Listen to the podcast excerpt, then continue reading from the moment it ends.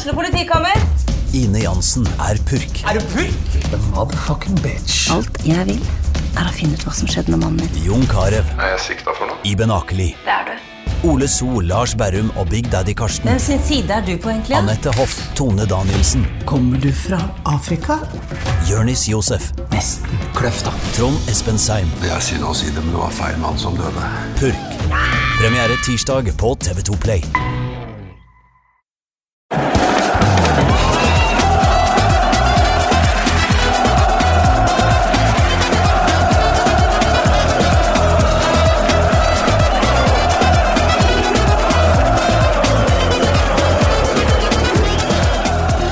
Velkommen tilbake til Pyro og Pivo, og atter en gang har vi fått med oss eh, Jeg vet at du hater ordet, men jeg må nesten bruke Balkanekspert. Runar Norvik, eh, mannen som mener at eh, det ikke fins en Balkanekspert i hele Norge. Velkommen. Takk skal du ha. Nei, det stemmer det. Jeg er ikke så glad i tittelen Balkanekspert. Det er en det er en tittel som skal svært mye til for å etterleve, så balkanentusiast er vel kanskje bedre. For de lytterne som hørte episode ni, som var siste gang du var med, så er det nok eh, ganske lett å motsi deg der, men eh, du skal få lov til å sitte på din mening. Det ble kanskje litt mørkt forrige gang. Eh, Ja, men det er jo litt illustrerende for regionen. Det er kombinasjonen av eh, mørkt og lyst, kanskje i enda sterkere grad enn du ser andre steder eh, innen fotballen i Europa, i hvert fall. Eh, må kanskje til Sør-Amerika for å finne noe tilsvarende. Mm. Og Da tenkte jeg at vi skal jo selvfølgelig tilbake til Balkan, nå som vi har deg her, og tenkte at vi skulle prøve å belyse det som er litt hyggelig også. og da tenkte jeg å begynne med dine favorittlag, men når jeg ser på hvilke favorittlag du har valgt deg i regionen, så er det kanskje ikke så lyst det heller. Vi kan jo starte med uh, Velers Mostar, som vi snakka litt om sist du var med. Uh, dette uh, ja, storlaget fra Mostar i Bosnia-Hercegovina som det har gått ordentlig gærent med siste tiden.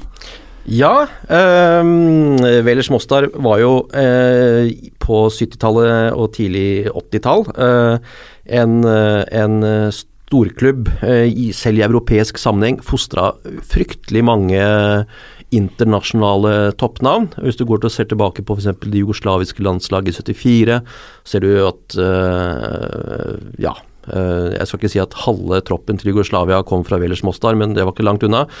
Eh, de har vært eh, sentrale i utviklingen av Hassan Salihamidzic, som eh, i sin tid ble Champions League-mester med Bayern München. Sergej Barbares, den bosniske landslagskaptein Barbares. Han kom jo fra Mostar, gikk gradene i Velers før han idet krigen brøt ut, dro til Tyskland. Litt på samme måte som Hasan Salihamidzic gjorde. Eh, sånn at eh, den track recorden til Velers Mostar på 70-80-tallet før krigen var helt fantastisk når det gjaldt å produsere spillere. Med og Kodro, som spilte i Barcelona og ble toppskårer Ja, ikke toppskårer i Spania, men han var vel tett opp til uh, toppskårertittelen i Spania i mange sesonger for, for eh, flere klubber. Nå eh, nevnte du en del navn som eh, har forsvunnet litt inn i underbevisstheten min, men eh, det minnet meg på et spørsmål jeg hadde til verden, uten å få svar sånn rundt tusenårsskiftet. Hva slags bosnier, eller hva slags etnisitet vedkommende nå hadde, heter Barbares? Hva slags navn er det? Det er et ser nei, ukrainsk navn. Eh, Sergej Barbares han var, jo en, han var jo selve symbolet på Bosnia-Hercegovina. Han hadde en serbisk far, og så hadde han en mor som var halvt kroat og uh, halvt muslim. Um, sånn at han var jo som captain Bosnia på alle mulige måter, og er det fortsatt, selv om han har lagt opp. Ehm, og da vokste jo opp i Mostar i det gamle Jugoslavia, hvor eh, alle etnisiteter levde sammen i fred og fordragelighet. I en fantastisk by, eh, må vi jo nevne. Ja, eh, Mostar er jo et turistmål alle bør få med seg i løpet av livet, tenker jeg. Enig der. Uh, hvordan var det du endte med å velge Velers, uh, i den grad man velger favorittlag? Uh, nei, det startet vel omtrent med at jeg dro til regionen for første gang for ja, 15 år siden ca. Dro til Dubrovnik. Mm. Uh, hadde vunnet en reise. Hadde ikke noe forhold til området i det hele tatt. Ble reist med helt blanke ark.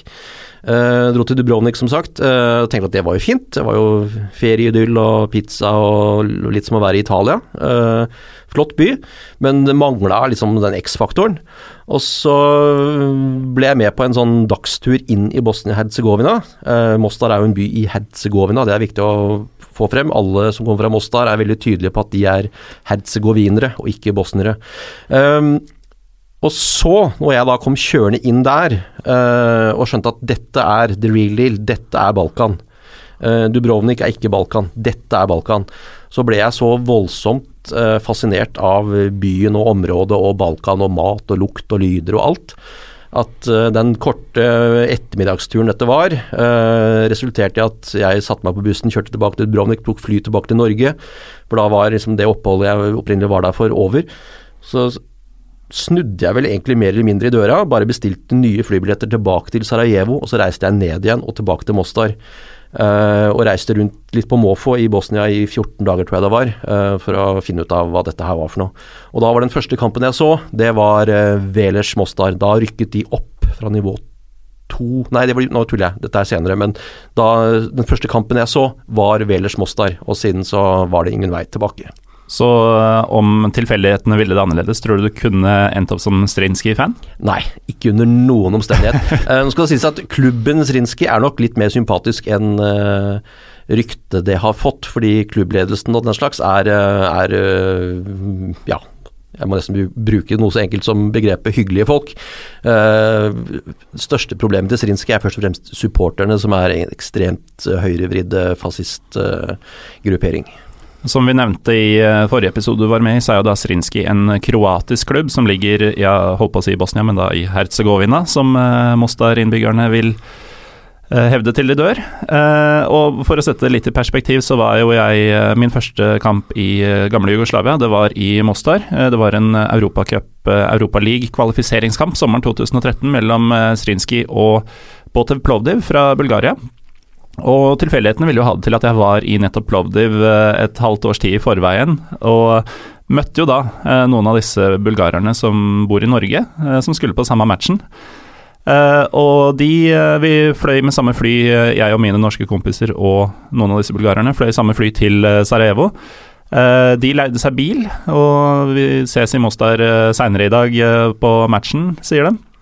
Eh, vi tok en buss, så uh, våre veier skiltes, og vi landa tidlig om morgenen, så vi hadde egentlig en uh, dag til rådighet.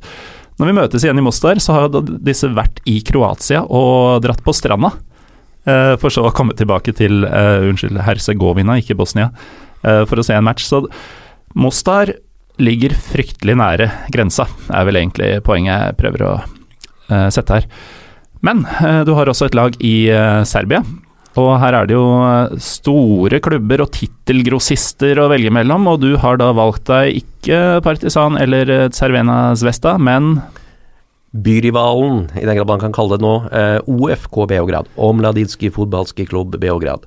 Eh, jeg er jo generelt sett ikke så veldig glad i sånne storklubber, jeg da. Jeg syns det jeg har litt vanskelig for å mobilisere den helt store entusiasmen i møte med lag som har de beste forutsetningene for å vinne eh, kamper og den slags. Sånn at uh, når uh, jeg ble oppmerksom på at det fantes en Beograd-klubb på toppnivå uh, som hadde en veldig stolt forhistorie Dette er en klubb som har spilt Europacup kvartfinaler og ja, produsert fantastisk gode spillere opp gjennom årene, helt inn til nylig. Hvis du går tilbake til dette U20 laget til Serbia, som ble verdensmestere for eh, ja, et år siden, så var fire av spillerne i startoppstillingen der OFK Beograd-produkter. Og ja. OFK Beograd har alltid utvikla fantastiske spillere, levert i stort antall til yngre landslag, men de blir veldig fort plukka av de beste klubbene, enten i Serbia, eh, og da snakker vi Partisan OFK Beograd, eller de bare reiser rett utenlands før de rekker å debutere for eh, A-laget. Uh, og så har tiden ja, den, den, har uh, vært ganske nådeløs mot OFK Beograd, som den har vært mot Velers Mostar. Ja, begge, klubbene har det til, ja, begge klubbene har det til felles nå at de er på nivå to i sine respektive land, og de ligger helt i bunnen.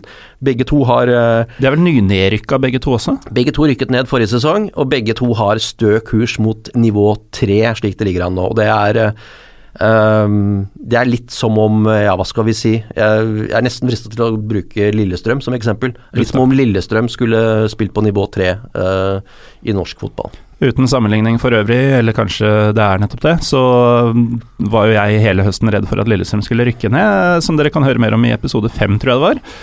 Uh, og jeg var da av den oppfatning at dette ville jo skjedd med Lillestrøm om vi rykka ned. At det da hadde bare båret ned i divisjonene de neste årene. Uh, men uh, hva er det Altså, det er jo tydeligvis klubber som har hatt stor suksess, som har gjort mye riktig opp gjennom historien, både Welers og OFK. hvorfor dette mageplasket? To vidt forskjellige forklaringer. Kortversjonen i forhold til OFK Beograd er at uh, i, spesielt i serbisk fotball så har det vært en voldsom polarisering. Alt kretser rundt de to store klubbene i, i serbisk fotball. Det er Partisan og det er Røde Stjerne. Hvis du går og åpner en uh, avis i Serbia og går blad til sportssidene, så kretser 95% av stoffet seg omkring de to klubbene. Um, resterende lag på toppnivå i serbisk fotball er med som statister. Det er litt som om Harlem Globetrotters reiser rundt og spiller oppvisningskamper. Mm. Uh, de øvrige klubbene har omtrent status uh, som, som, disse motstanderlagene til Harlem Globetrotters. Sånn at um, um, det er utrolig vanskelig å være synlig som klubb uh, i, i, det landskapet der. Vojvodina Uh, fra, fra Novi Er et unntak. De er også en stor klubb, og de får også den uh, oppmerksomheten de på en måte fortjener. Uh, men i det store hele så er det fryktelig vanskelig for alle andre klubber å, å, å få sin del av rampelyset. Um, og um, sånn at siden ja, slutten av ja, egentlig gjennom hele 90-tallet og frem til nå så har det gått, pila bare pekt én vei. OFK Beograd har gått gradvis tapt terreng. Eh, kjempet mot nedrykk ved flere anledninger, og så har de hatt noen gode sesonger som har korrigert litt av inntrykket av en klubb i forfall. Eh, men pila sånn over sikt har pent, pekt entydig nedover, så dette har vært på en måte litt sånn skrevet på veggen i lang tid. Um, og, og, i takt med at uh, klubben har ikke kunnet selge spillere i samme skala som de har gjort tidligere, uh, så har det ikke vært økonomi. og Hvis du reiser på en OFK Beograd-kamp i dag, så har de ikke supportere. Hvilket første. jeg har gjort uh, for et par år siden, og da var jeg på OFK mot Javor, tror jeg det var. OFK vant 2-1, og um, det var jo knapt folk på stadion, og denne, det som man skulle tro var hovedtribunen, der var det jo gress på, på betongen. Eh, og det var eh, noen hundre folk der. Det var ikke kiosk, men derimot var det en gammel mann som tok blodpris for å løpe inn og ut av stadion og kjøpe cola og snacks og sånn, eh, hvis man var villig til å betale. Og det var også Jeg nevnte Bieli Brieg stadion i Mostar eh, og toalettfasilitetene der i forrige episode du var med i på Omladinski, så visste jeg ikke om jeg sto og urinerte i en gammel garderobedusj eller i et pissoar. uh, så spørsmålet mitt er egentlig hva slags altså Hvis det er noen demografiske forskjeller, hva slags folk er det som fortsatt er OFK-fans i dette landskapet hvor de blir spist opp? Sosiale utskudd. De som har behov for uh, å ikke følge flokken. Mm. Uh, vi har snakket i forrige episode for noen uker siden om Sarajevo som en delt by i forhold til at enten så holder du med FK Sarajevo, eller så holder du med eh. Eh, I Beograd så er det på akkurat samme måte. Eh, men det man glemmer i Beograd, er at det finnes faktisk tre, fire, fem andre toppdivisjonsklubber som spiller på øverste nivå, men de fleste sliter med det samme. De har få tilskuere, få supportere. Og hvis du Uh, på en måte vokser opp i dag og blir OFK Beograd-supporter, så gjør du det på tross av alle sunn fornuft og forutsetninger på en måte, og rammevilkår, og ikke på grunn av det. Uh, dette er en klubb som uh, har myt, en mytisk status i serbisk sammenheng, kalles romantikerne, romanticari, fordi de spilte så fantastisk fin fotball på, i sin storhetstid på 60- og 70-tallet, hvor de var en stor klubb ute i Europa og produserte da, som for så vidt også nå, eh, eh, fryktelig mange gode fotballspillere. Hvis du ser på Ivanovic, et eh, OFK Beograd-produkt. Eh, Kolarov er et OFK Beograd-produkt. Ja, kan, den lista der kan gjøres utrolig lang. Når det gjelder Velers Mostar og ja, Hva skjedde med dem? krigen kom. Det er en kort, brutale forklaring. Velers Mostar var jo helt enerådende i Mostar frem til krigen brøt ut. Da var det én klubb i Mostar, Velers, som gjorde stor suksess. Det ble cupmester, ble i den jugoslaviske Uh, league, altså i, innen jugoslavisk fotball ved to anledninger. Uh, produserte fryktelig mange gode spillere. Hali Hodzic, uh, spillere som gjorde stor suksess utenlands. Eh, ble toppskårer i Frankrike. Eh, Dusan Bajevic. Eh, så kom krigen. Så ble Mostar en delt by. Eh, I Mostar så var det jo sånn at eh, det i all hovedsak var kroatene og muslimene som lå i militær konflikt. Mm. Eh, sånn at eh, den konf eh, eh, ja, eh, konflikten på 90-tallet, slik den arter seg i dag, handler i stor grad om muslimer kontra kroater der, og ikke i så stor grad eh, eh, bosniere kontra serbere som andre steder i Bosnia. Det eh, sier litt om kompleksiteten i, i, i krigen den gang, men sånn var det nå en gang. Eh, Sånn at eh, i dag så er eh, Mostar en delt by. I vest finner du kroatene, i øst finner du muslimene. Muslimene uh, Villers Mostar er muslimenes klubb. De hadde sin stadion i vest, mistet den. Mistet all, i praksis alle fasiliteter, mistet alt. Måtte starte helt fra scratch, bygge seg opp fra bunnen av. Eh, og har aldri klart å komme seg ovenpå igjen etter krigen, når de måtte starte fra bunnen av. Så nå spiller de litt utenfor byen, uh, på et eh, stadionanlegg som de har gradvis bygget opp.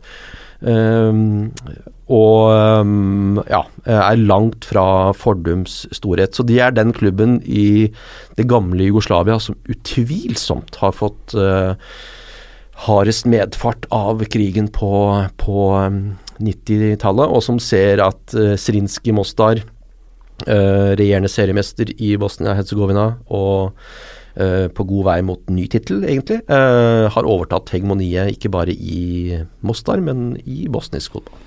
Og Det er jo generelt vanskelig å snakke om denne regionen og også fotballen der, uten at krigen på 90-tallet blir en del av det. Balkan er jo et av de områdene som fostrer mest talentfulle spillere, og sånn har det jo vært i tiår. Eh, aldri så mye som da det gikk mot slutten for eh, Jugoslavia, med Røde Stjerne som vant forløperen til Champions League, og et landslag som vel egentlig bare skulle til Sverige for å hente EM-gullet som en formalitet. Hva er det med eh, talentutviklinga i dette området som, eh, som er så unikt, eller som er annerledes? Proper coaching, vil jeg si. Mhm. Altså det man mangler Altså selv en dag i dag så lever Er det en Uh, Fotballkulturen i disse landene er som karbon fortsatt. og Den er en etterlevning av uh, Jugo-perioden, hvor Jugoslavia ble referert til som Europas brasilianere. Uh, produserer fantastisk gode individualister, og det de mangler av eh, fasiliteter og infrastruktur, det tar de igjen eh, vi- gjennom kulturen og også videreformidlere av kulturen, altså trenerne. Hvordan skolerer du spillere? Hva er det du har fokus på? Hva er det du ønsker å utvikle hos spillere? Uh, hvis du trekker da f.eks. paralleller til, til norsk fotball, så er det alt handler om å utvikle individuelle ferdigheter. Mye mindre fokus på kollektivet. På godt og vondt. Det, det har sine aktdeler, det selvfølgelig. Um, og, um, og en ekstremt ballkultur, altså, som lever og ånder i hverdagen. Altså, hvis du ser på Serbia, og for så vidt også Kroatia, men Serbia er kanskje helt ekstremt relativt liten nasjon sett til befolkningstall. Men de, de er fantastiske i alle ballsporter. Eh, kroatene er eh, langt på vei det samme. Bosnia-Hercegovina, av ulike grunner, som vi har vært litt inne på i forrige episode, eh, var, er, har en del trøb, eh, problemer knytta til å skrape sammen de beste spillerne til ett og samme landslag, sånn at de sliter når, når det er snakk om mer enn bare å samle f.eks. De er ikke så gode på U21-nivå kontra nabolandene, fordi de produserer færre gode spillere i en og samme generasjon. Sånn at de har to-tre gode spillere på U21-nivå, og så har de syv-åtte stykker som fyller ut plassene. Mens eh, i nabolandene så kan de fylle en hel generasjon med gode spillere. Men når du skal samle sammen et A-landslag, og kan trekke eh, trekke 18-19-20-åringer inn i en spillergruppe som ellers trekker seg fra 20 til 30, gjerne, så har Bosnia også tilgang til veldig mange av disse uh, store profilene, uh, fordi du produserer nok innenfor hver generasjon. Uh, og så har du vel selvfølgelig i Bosnias tilfelle veldig mange spillere som er utvikla utenlands, eh, i diaspora, som er produkter av andre lands fotball, men som har valgt å representere hjemlandet fordi de enten har flykta fra Bosnia i forbindelse med krigen, eller har foreldre fra Bosnia. Eh, du nevner eh, riktig coaching som eh, en mulig hovedårsak til at den, dette området produserer så mye talent. Og vi var jo inne på i forrige runde at det er mye vanstyre av fotballen. Og så er det vel også en kjensgjerning at en del av disse spillerne kanskje ikke har hodet på rett plass. Så det vil altså si at helt på toppen så er det mye surr. Blant klubbeiere og den type ting så er det mye surr. Av de på banen så er det mye surr, men akkurat i sjiktet mellom der så gjøres ting riktig? Ja. Uh, det, er mye surr. Uh, jeg jobber i norsk fotball, og jeg vet at det er mye surr uh, rundt omkring i norsk fotball også. det får bare litt, kommer kanskje til uttrykk på litt andre måter enn det gjør der nede. så det tror jeg nok er ganske universelt uansett hvor du reiser. men um, i i um, disse eks-jugoslaviske landene så er den ballkulturen, som sagt, den er så ekstremt sterk og innprenta, og lever fortsatt i beste velgående. Sånn at det Altså, du, du, er alltid avhengig av en minimumsstandard når det gjelder fasiliteter. Men har du én kunstgressbane, så kan du skrape sammen nok spillere eh, som har tilstrekkelige forhold. Eh, så det handler om hva er det du kan tilføre utenfor. Eh, Um, så, så, Det de ikke klarer å kom, uh, konkurrere med omgivelsene om når det kommer til fasiliteter, det tar de igjen i forhold til coaching. Og den Jugo-skolen, den lever i beste velgående. Uh, og har vist seg jo ekstremt effektfull fortsatt med tanke på å produsere spillere. Det spys ut talenter fra kroatisk og serbisk fotball spesielt. Litt tilbake til dette med å kunne ha tilstrekkelig mange spillere innenfor hver generasjon som er gode. Uh, I et antall som er helt vilt. Og så er det, som du sier, eh, en utfordring knytta til spesielt spillere fra denne regionen når de tar steget som 17-18-19-åringer og reiser utenlands.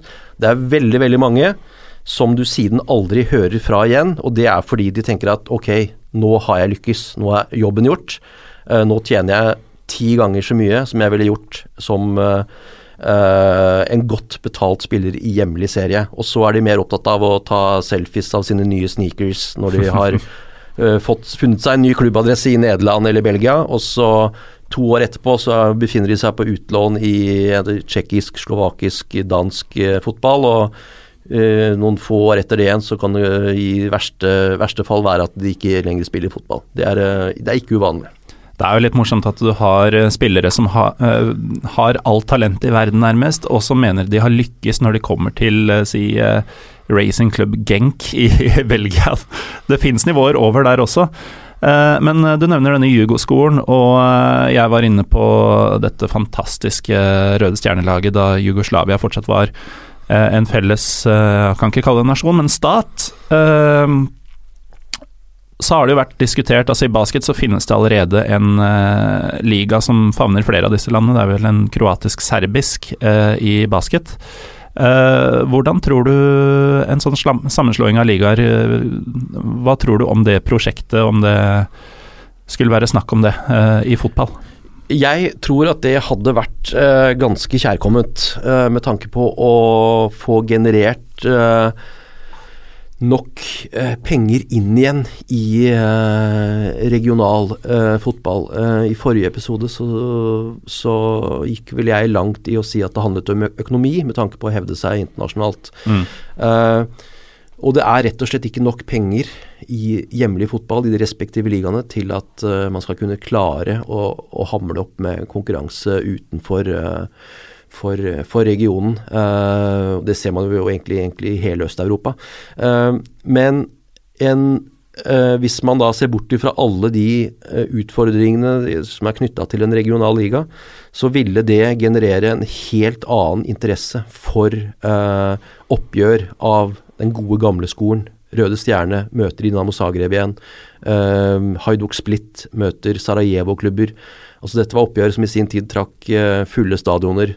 30 000. Uh, du ville selv klart å fylle den ned, uh, nedslitte Omladinski og med de elendige toalettfasilitetene med den type kamper.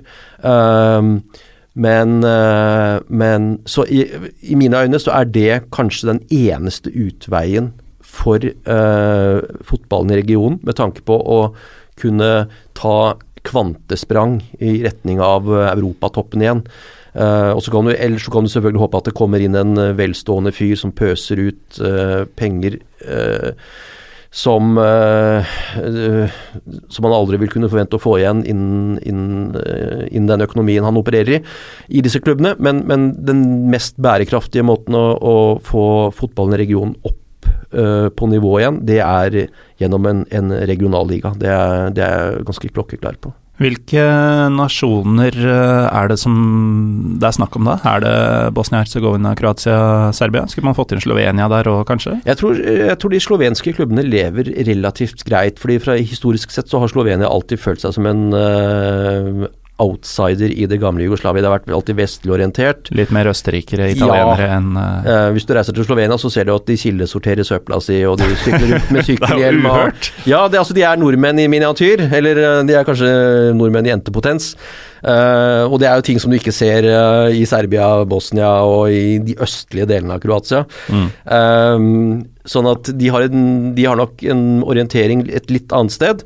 Eh, men eh, Montenegro, Makedonia, hvis du tar med Vardar Skopje og Bodosjnost fra Montenegro, det er vel ikke så mange andre lag, kanskje Skendia i, i Makedonia. Eh, og så tar du de tradisjonelle toppklubbene i, i Kroatia, Bosnia og Serbia, og rører dette rundt i ei gryte og kaller det en eh, regional liga, da tror jeg du vil kunne mobilisere en voldsom interesse igjen, på godt og vondt, for dette kommer også til å være en kilde til utrolig mye konflikt.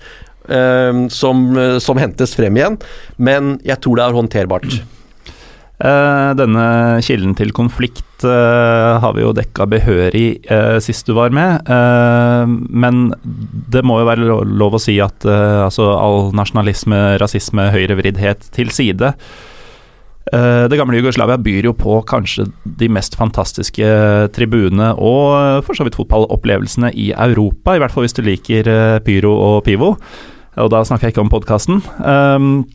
vi må jo for lytternes del anbefale noen oppgjør spesielt, og da øh, har jo jeg nevnt tidligere i denne podkasten at øh, den kuleste kampen jeg noensinne har vært på øh, Det er jo ikke noen overraskelse kanskje når vi snakker om denne regionen, men det var Partisan Røde Stjerne. Men du har nok litt øh, alternativer å komme med, Runar?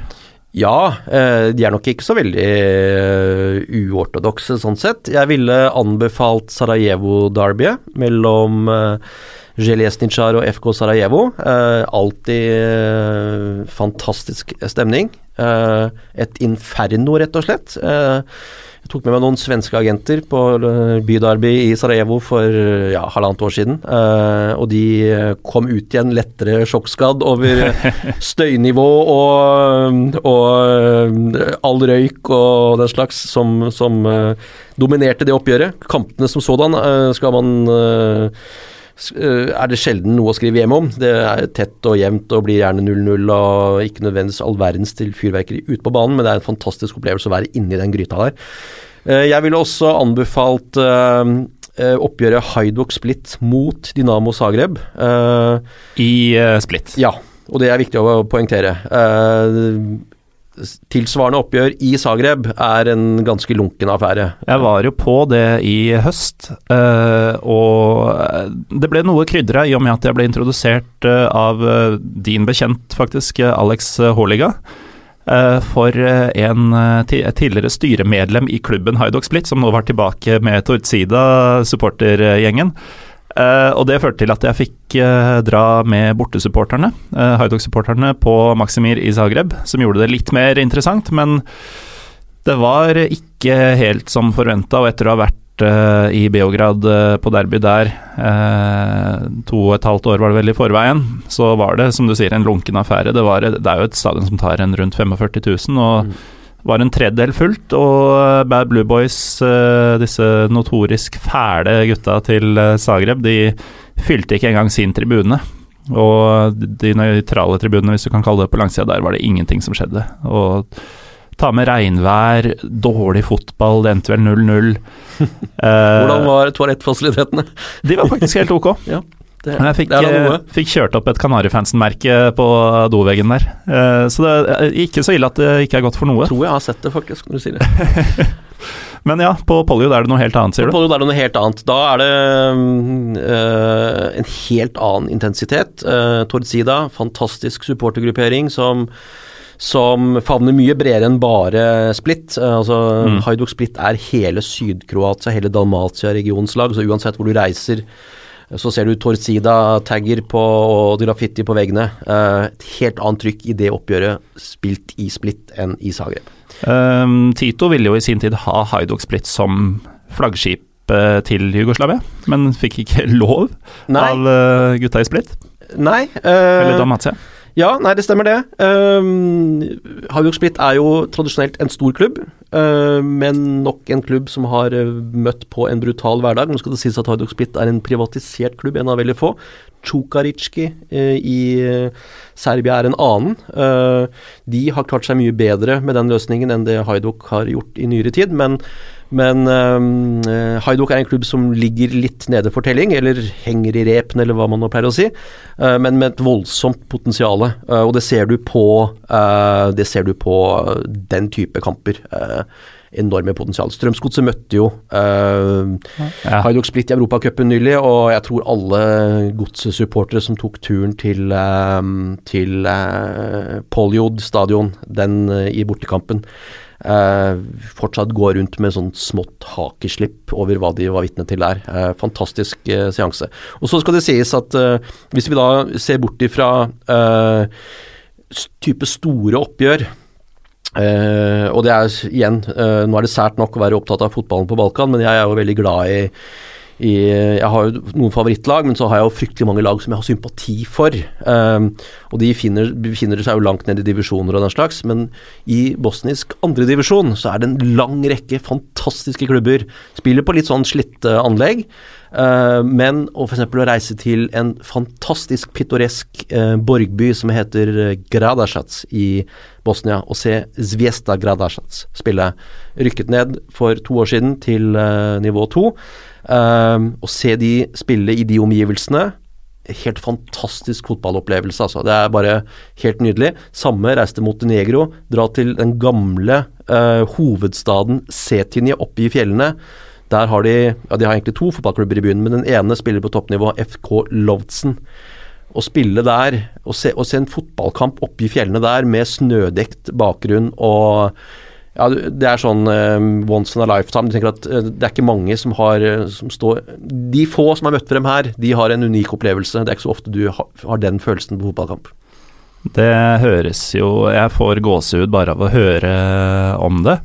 og det er jo underkommunisert her til lands hvor nydelig det er. Altså ikke bare tribunekulturen og talentutviklinga, men geografisk sett hvor fantastisk det gamle Jugoslavia er, og det, så store deler av det? Ja, det er et godt poeng. Uh, jeg pleier jo, pleier jo, alltid å si at, uh, at uh, den regionen og, og, disse landene er, er, gjerne land man reiser til helt uten forventninger, så alt kommer og blir en, blir en positiv overraskelse. Og de fleste som har reist ned og besøkt disse landene, kommer hjem og er nesten panegyriske over hvor utrolig billedskjønt og flott og vakkert alt er, og hvordan du da Uh, for å igjen bruke Bosnia som et eksempel. Du har alt innenfor veldig veldig korte avstander. Du har høye fjell i Herzegovina. Du har kornåkre, omtrent som Toskana. Du har uh, elver, strie elver. Du har gamle borger, fjellbyer. Uh, du har alt komprimert innenfor et veldig lite territorium. Så det er nesten sånn at hvert eneste land arter seg som et sånn lite eventyrland. Slovenia f.eks. kunne jo vært et land hvor samtlige innspillinger av sånne type juleserier og sånn, hvor du trenger litt ekstraordinær stemning og borger og Draculaer og noe sånt, han har sagt, eh, kan spilles inn. Eh, og dette, dette, her er veldig underkommunisert når det gjelder den regionen. Det er en fantastisk billedskjønn region som byr på så utrolig mye. Det er det, og så har de også folkene. Jeg, eh, som du nevner, min første tur til dette området, det var denne Mostar-Sarajevo-turen min sommeren 2013. Jeg tok med et par kompiser og Uh, vi syns det var spennende. ikke sant? Man tenker at her var det krig inntil nylig, du kommer til å se kulehull i veggene og den type ting. Og utover det så var det snakk om sol og billig øl og billig kjøtt. Til dere lyttere, du får veldig billig mat og drikke i disse landene. Eh, Men så er det sånn at vi eh, fløy til Sarajevo, tok bussen til eh, Mostar, tok inn på et hostell der, så fotballmatchen, tilbrakte litt tid, og mm, morgenen etter, altså vår første fulle dag i det gamle Jugoslavia, så har han ene stått opp litt før oss, når jeg og da sistemann kommer fra dusjen og ut på solbalkongen i dette lille herberget, kan du si. Hvor vi hadde sjekka inn eh, dagen før med en sånn ung mann og hans mor, begge snakka brukbart engelsk, alt var i orden. Nå var det bare en bestemor som var på jobb eh, på morgenskiftet. Snakka ikke et ord annet enn bosnisk, eller hva man velger å kalle språket. Eh, hadde allerede satt i gang med det som i de kretsene kalles bosnisk kaffe. Eh, som var, smakte fortreffelig. Eh, Sammenligna med både serbisk og tyrkisk kaffe av samme ulla, så var dette av de bedre jeg har vært borti. Eh, og så skulle vi jo da, uten å snakke noe Vi hadde jo ingen felles ord i ordforrådet, eh, noen av oss tre og henne. Eh, Så skulle vi prøve å finne den beste måten å komme tilbake til Sarajevo på. Og vi, eh, med tegn og med eh, penn og papir, så prøver vi jo da å høre om taxipris, f.eks. Og hun skriver jo da ned eh, Mostar, Sarajevo, eh, 150 km.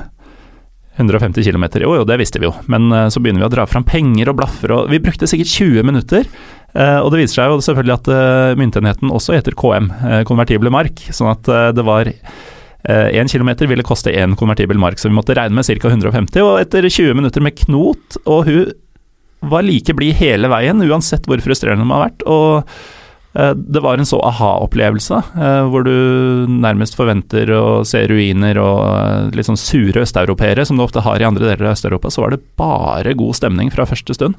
Fantastisk gjestfrihet, kjennetegn ved regionen, og det er så mange historier som du har vært inne på. Hvordan man stopper ved et hus ute på landsbygda, f.eks. i Serbia, ringer på, spør etter veien fordi man har kjørt seg vill. Eh, og så før man vet ordet av det, så sitter man da 10-15 minutter senere i bakgården ved et langbord, og uh, drikke og mat er kommet på bordet, og siden så er det bare å belage seg på at her blir det fest resten av kvelden. Og så suser man i beste fall uh, av gårde tidlig neste morgen. Eh, eller du tar trikken i Sarajevo og kommer i snakk med noen som eh, inviterer deg hjem, og så er det kilde til et vennskap som ja, varer fortsatt 20 år etterpå, f.eks. Det, det tror jeg veldig veldig mange har erfart der nede, og en veldig atypisk eh, det vi er vant til her hjemme, ikke minst. Mm. Ja, altså her hjemme og det mer nordlige Øst-Europa, det er jo veldig sånn eh, Folk har ikke lyst til å bli kjent med deg, egentlig. Eh, Du skal bare gå og passe dine egne saker, og i store deler av Øst-Europa ikke smile på gata engang. Det er provoserende i seg selv. Eh, Men eh, jeg har, eh, jeg, jeg har følt meg vel, rett og slett, i alle disse landene. Jeg vet ikke helt hva det er, om jeg kan sette fingeren på det, men det er bare noe med lynne. Ja, eh, mye av min fascinasjon for regionen eh, har, jo, har jo sitt utspring i akkurat dette her. Dette med at uh, du kan være en så introvert nordmann du bare vil, men uh, du kommer i kontakt med folk på en måte som du ikke er vant til, og som du ikke hadde forutsett, og som du ikke har erfart tidligere. Nesten uansett. Eh, Nå mm, føles det nesten som vi overkompenserer veldig for alt, eh, alt det kjipe vi har vært eh, gjennom her. Men det er så- viktig å poengtere at det meste knyttet til regionen er helt fantastisk, og så Ja. er det noen sorte kapitler inni her, og det gjelder også fotballen. Det meste med fotballen er helt fantastisk. Og så er det Men vi må ta det gode med det dårlige. Ja, og etter alt dette gode her, så tenkte jeg at vi kunne runde av med at du, gjennom nå 15 år med intens farting i regionen, eh, ordentlig dypdykk i både språk og kultur og eh, geografi, kan fortelle din verste opplevelse eh, i det gamle Jugoslavia. Gjerne med fotball. Ja, min verste opplevelse i, med fotball, det, det var når jeg ble jaget gjennom øh, gatene i en bosnisk industriby som heter Kakanje, av øh, et femtitalls sigøynere. Det var Jeg var oppe for å lage en reportasje i sin tid om om byens fotballag, Rodar Kakan, som kjempet i toppen på nivå to. Eh, like ved denne hjemmebanen så lå det en sigøynerleir. Ehm, og de eh, hadde som policy at hver gang det kom noen eh, spesielt vesteuropeere Det var ikke så mange av de som hadde vært der før, men når det da endelig kom noen, så spredte ordet seg ganske fort. Sånn at når jeg da etter kampen skulle gå fra stadion og ned til den lokale busstasjonen for å komme meg tilbake til Sarajevo, så sto en stor delegasjon sigøynere klar og skulle ta imot meg, fordi de ville ha penger, rett og slett. Så enkelt var det. De Eh, ville ha, eller de, skulle ha? de skulle ha Skulle ha er vel kanskje bedre begrep. Um, eh, og så skjønner jeg at her er jeg i trøbbel, fordi det er, en kilometer å gå, og dette kan bli, dette kan bli slitsomt. Og så kommer heldigvis treneren til uh, Rodar Kakan og slipper meg av, eh, eller han plukker meg opp i bil, sånn at jeg kommer meg et godt stykke på vei i retning busstasjonen, men på et eller annet tidspunkt så sier han at herifra må du klare deg sjøl. Og det har jo disse skjønt, at uh, hvis vi bare løper over en ås og ned og den slags, så tar vi han på halvveien, på vei retning uh, Så det ender med at de, de, når jeg hopper av, så står jo den delegasjonen klare nede på veien, og så må jeg siden da løpe gjennom Kakans gater i retning av eh, busstasjonen og inn. Og, da, og jeg, når jeg kom til Kakan, så stussa jeg litt over at det sto en, en vakt med eh, maskingevær eh, utenfor busstasjonen. Jeg syns det var litt merkelig, for det hadde jeg aldri sett før. Men det ga plutselig veldig mening når jeg kom dit eh, med denne gjengen halsende etter meg, inn der. Og så eh, er det ti minutter til bussen går, og de våger seg jo selvfølgelig ikke inn, men de står fortsatt og venter i påvente at jeg skal komme ut igjen. Og så kommer det da en sort van kjørende i eh, 120 inn på dette området. Inn, eh, bråbremser foran busstasjonen, trekker opp en sidedør, ut hopper det en ny mann med et våpen. eh, som kommer sprintende inn i busslokalet, venterommet, og sier eh, out, out, out, out, out. For han skjønner at alle som sitter der, skal med denne bussen. Dette er da bussen som skal til Sarajevo. Og inn, og mm, jeg kaster meg inn, bokstavelig I talt. denne vanen, I denne altså? vanen, og de trekker igjen eh, døra, og bilen suser av gårde. Det, er et sånt pitstop som varer i kanskje 10-15 sekunder. Og jeg ligger på gulvet, og vi kjører ut der med i et, eh, en helt Det er en, omtrent som å være en sånn Fast and Furious-seanse. Uh, og når, da merker jeg, det er første og eneste gang, tror jeg, på mine mange år der, at jeg har tenkt at denne byen var det deilig å reise fra. Når jeg ligger på gulvet der og har blitt uh, hurtigevakuert ut av byen. Det var en uh, selsom opplevelse. Og så må jeg ta en eh, til fra fotball, og det var uh, Det er mye snakk om eh, at det er mye bestikkelser og eh, avgjort spill, eller eh, avtalt spill. Uh, for noen år siden så var jeg i Mostar, eh, min eh, favoritt, om ikke by, så i hvert fall favorittklubb Vels Mostar, og så snakket jeg med, med en av direktørene der. De skulle møte Jeljesnitsjar fra Sarajevo dagen etter i Sarajevo. Og så fortalte jeg at ja, men det blir gøy, for jeg skal til Sarajevo neste dag, og så skal jeg få med den kampen. Uh, så det blir spennende. Men uh, tror du, tror du, hvordan tror du utsiktene til å vinne den kampen er? Så sier uh, denne direktøren at Runar, Runar, my friend, you have to understand it. We will not win tomorrow. Og så prøver jeg å forklare at jo, jo, men det er jo mulig. Det, alle kamper skal jo spilles, det er jo fullt mulig. No, no, no, you don't understand. We are not going to win tomorrow. Um, og så viser det seg da at uh, som følge av at uh, Velers Mostar denne sesongen De har kjempet mot nedrykk, men midtveis i sesongen så har de fått låne to spillere fra Jelesnitsjar. Gratis. Jelesnitsjar har fortsatt å betale lønn.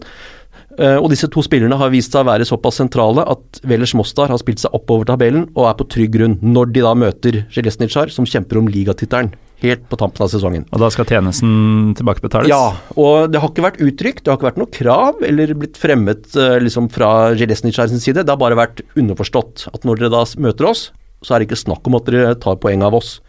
Så tropper jeg opp på kampen, jeg vet jo dette her. Ehm, og så skjer jo da selvfølgelig det absurde at Velers Mostar de klarer høyst motvillig å rote inn to mål til pause. Så de leder 2-0 når de går av banen.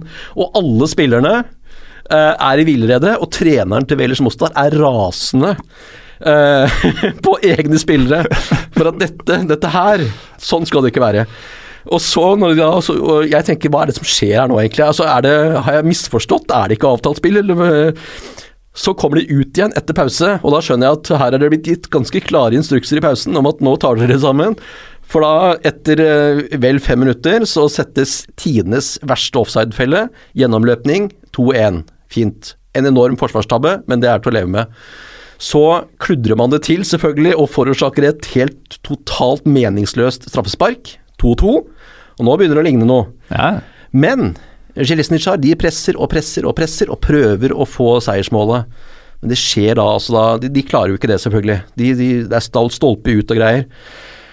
Før da, ca. ti minutter før slutt, så tar høyrebekken til Velers Mostar ballen bokstavelig talt, han har sagt, om ikke i egne hender, så i hvert fall i egne ben, og banker den resolutt inn bak egen keeper. Sørger for at det blir 3-2 til hjemmelaget, og alle er fornøyd, bortsett fra Jelesnicar-supporterne på tribunen, for de skjønner at dette her er bare humbug. Og da hagler det med seter og alt mulig annet rart inn på, på stadion. Men ja. Eh, var det sånn at dette sjølmålet var det til å ta feil av, eller var det Det var ikke til å ta feil av i det hele tatt. Det er det mest resolutte skuddet jeg har sett noen avfyre i sitt noensinne. Og keeperen var sjanseløs. Ja, det er en uh, job well done, som de sier i Sunderland, vil jeg tro. Eh, takk til deg, Runar Norvik, eh, for både ett og to besøk på kort tid. Eh, håper lytterne har klart å følge Balkanekspertens ord. Det er et utrolig komplekst område, og se, i hvert fall før du blander inn fotballen. med fotball blir det jo et lappeteppe som ikke ja, Jeg vet ikke om jeg har lært noe som helst, men jeg har hatt det gøy. Det er det viktigste. En god balkanskånd, det er viktigere å ha det gøy enn å lære noe. Ja, uh, og det er tydeligvis også viktigere å gjengjelde tjenester enn å vinne fotballkamper, uh, ifølge noen. Jeg heter Morten Galaasen. Vi er Pyro Pivopod på Twitter og Instagram. rate oss gjerne i iTunes hvis du er Apple-bruker. og til neste gang så sier vi som vanlig når Runar er i studio, Giveli!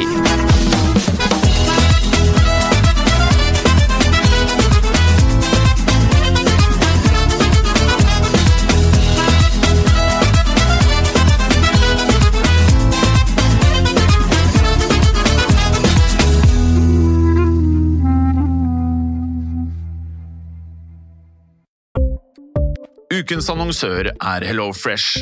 HelloFresh er verdens ledende matkasseleverandør og kan være redningen i en travel hverdag.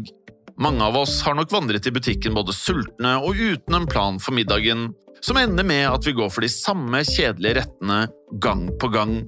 Middag burde være dagens høydepunkt. Som HelloFresh kan du nå velge mellom 25 ulike retter hver eneste uke, eller få HelloFresh til å sette sammen menyen for deg.